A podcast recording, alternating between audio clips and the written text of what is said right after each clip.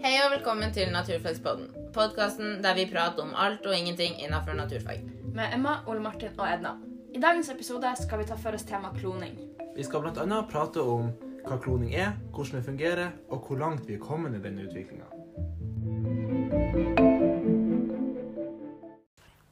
Men jeg tenker at før vi starter sånn ordentlig, så er det kanskje greit å vite hva kloning egentlig er.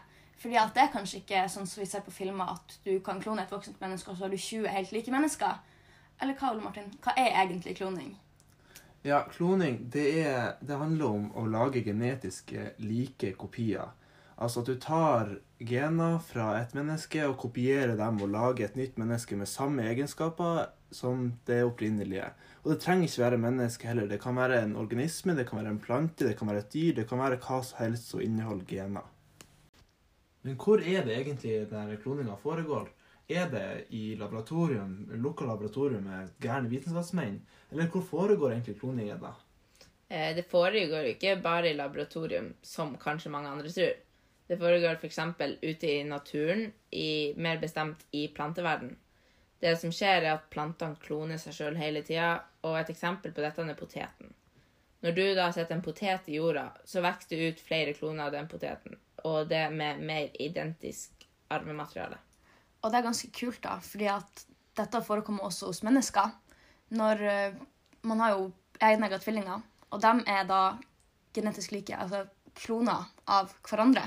Og det er ganske stilig at vi mennesker også gjør det naturlig, og ikke bare planter. Vi har jo snakka litt om den naturlige kloninga, den som foregår ute i naturen. Men jeg syns det er litt mer interessant å høre om den, det vi kan kalle den kunstige kloninger som da skjer inne i laboratorium. Det finnes to hovedtyper innenfor denne type kloning som Edna nevnte. Og det er reproduktiv kloning og terapeutisk kloning.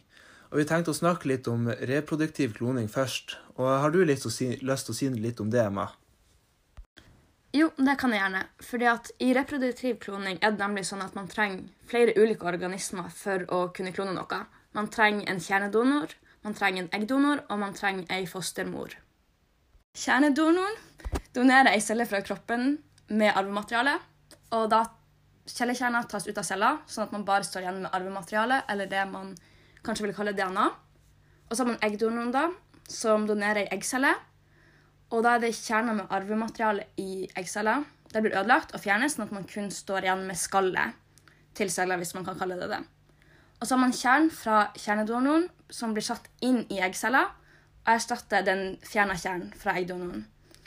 Og så har man da egget med den nye kjerna, som blir plassert i fostermora, som avler klonen fram og stimulerer til å drive mitose, altså vanlig celledeling. Og avkommet vil ha de nøyaktig samme genene som kjernedonoren, og er derfor en klon. Og man får da avkommet er klonet til kjernedonoren, ikke til fostermora eller til eggdonoren. Det er til der kjerna kom fra. Ok, Så selv om reproduktiv kloning kanskje er det vi har tenkt å snakke mest om, og det som er mest vanlig å prate om når man prater om kloning, så har vi også terapeutisk kloning. Og Ole Martin, har du lyst til å fortelle litt mer om det, kanskje?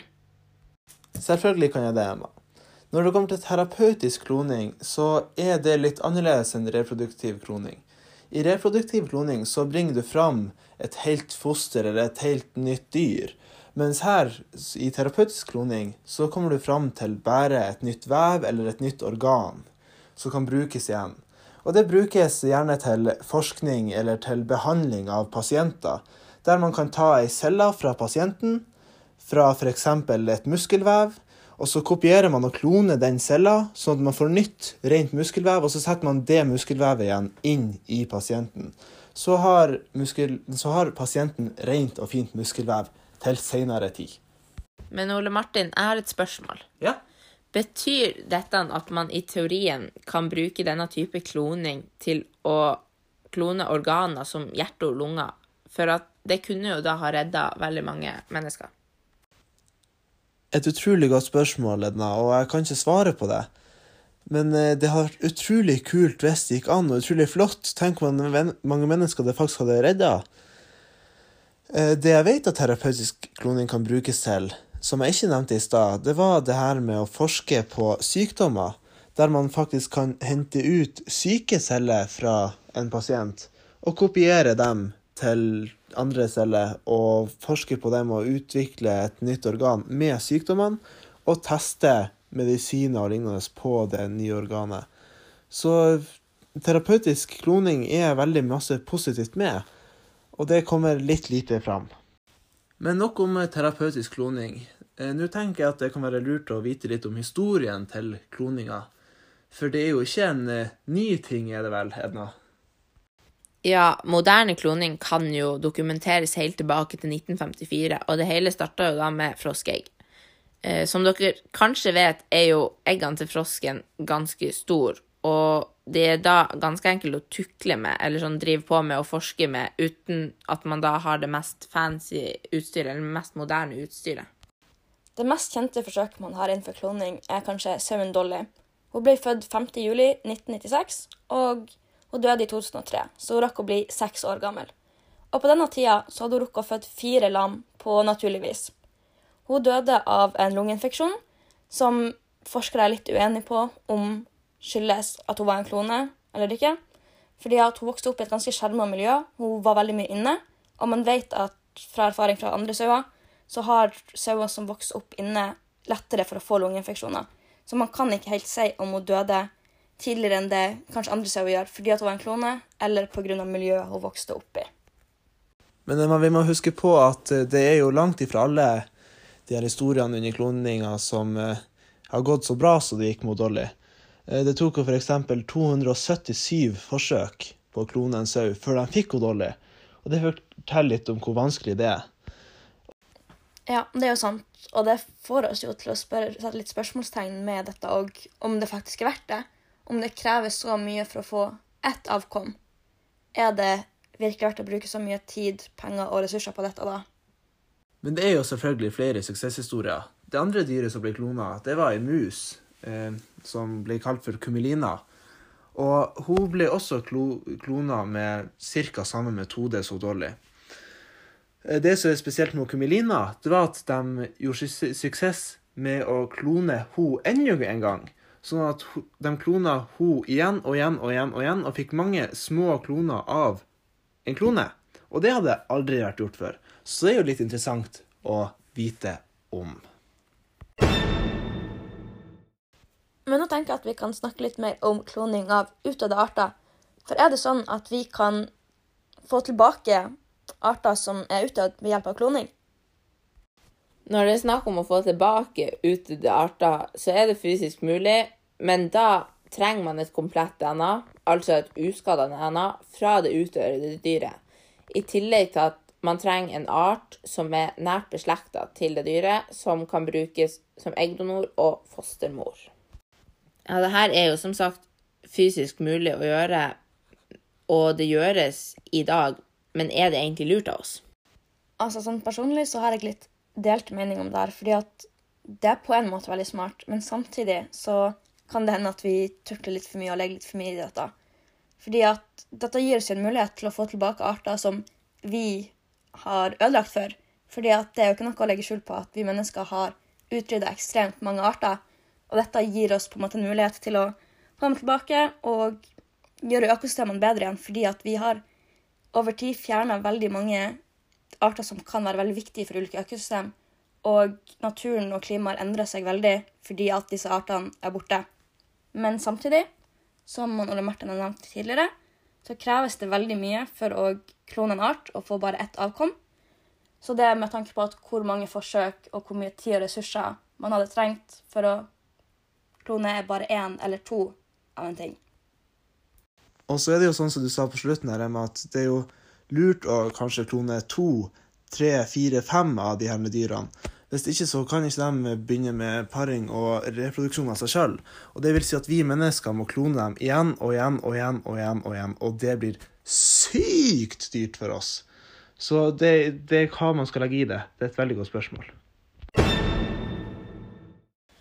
Men nå tenker jeg at vi kan gå over til det som kanskje interesserer de fleste, nemlig kloning av mennesker. Altså, jeg tenker jo at kloning av mennesker hadde jo vært ekstremt kult, men sånn som reglene er i dag, så er ikke det lov.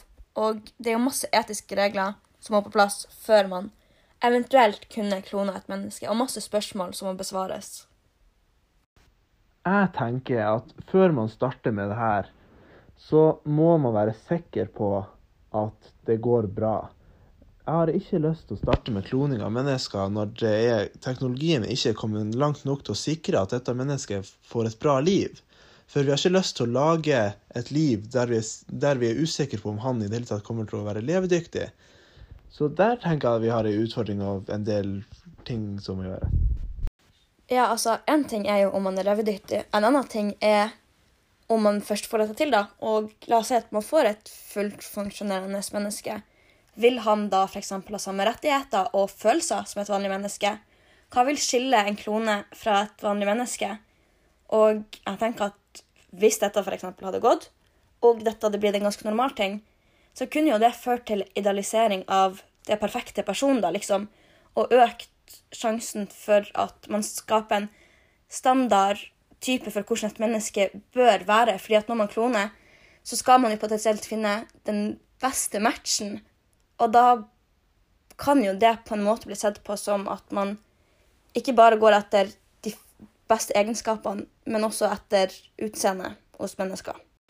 Edna, hva du tenker om dette, da? Altså, jeg syns jo kloning av mennesker høres kult ut, men samtidig er vi altfor mange mennesker på jorda i utgangspunktet, og fordeling av ressurser er ikke akkurat veldig bra. Så istedenfor å bruke masse penger og ressurser på å avle fram nye mennesker, burde man heller bruke det på å sende til de som ikke har så mye. Og Dessuten er det også viktig å tenke på det her at når du kloner en person, så vil ikke den ha den samme personligheten som den som ble klona. Den vil ha det samme genetiske materialet og de samme genene, ja, men de vil vokse opp i forskjellig tid, ha en annen oppvekst, et annet mat, trene annerledes, ha andre venner og bli påvirka på andre måter i livet. Så det er faktisk umulig å få en helt kopi med, av de man kloner. Da tenker jeg at vi kan gå til litt oppsummering. Det finnes som sagt så mye mer vi kunne sagt om kloning, men dette var bare en kort introduksjon til temaet. Kloning fins både naturlig og ikke naturlig, og det fins mange ulike typer kloning. Noen former for kloning kan jo være veldig nyttig, bl.a. kloning av planter og den muligheten til å få tilbake utdødde arter. På den andre sida er det jo flere etiske problemstillinger knytta til kloning, særlig knytta til kloning av mennesker. Kloning er også svært krevende, både økonomisk, materielt og tidmessig. Men nok om det. Nå er vi med veiens ende. Vi takker for at dere hørte på. Hei da!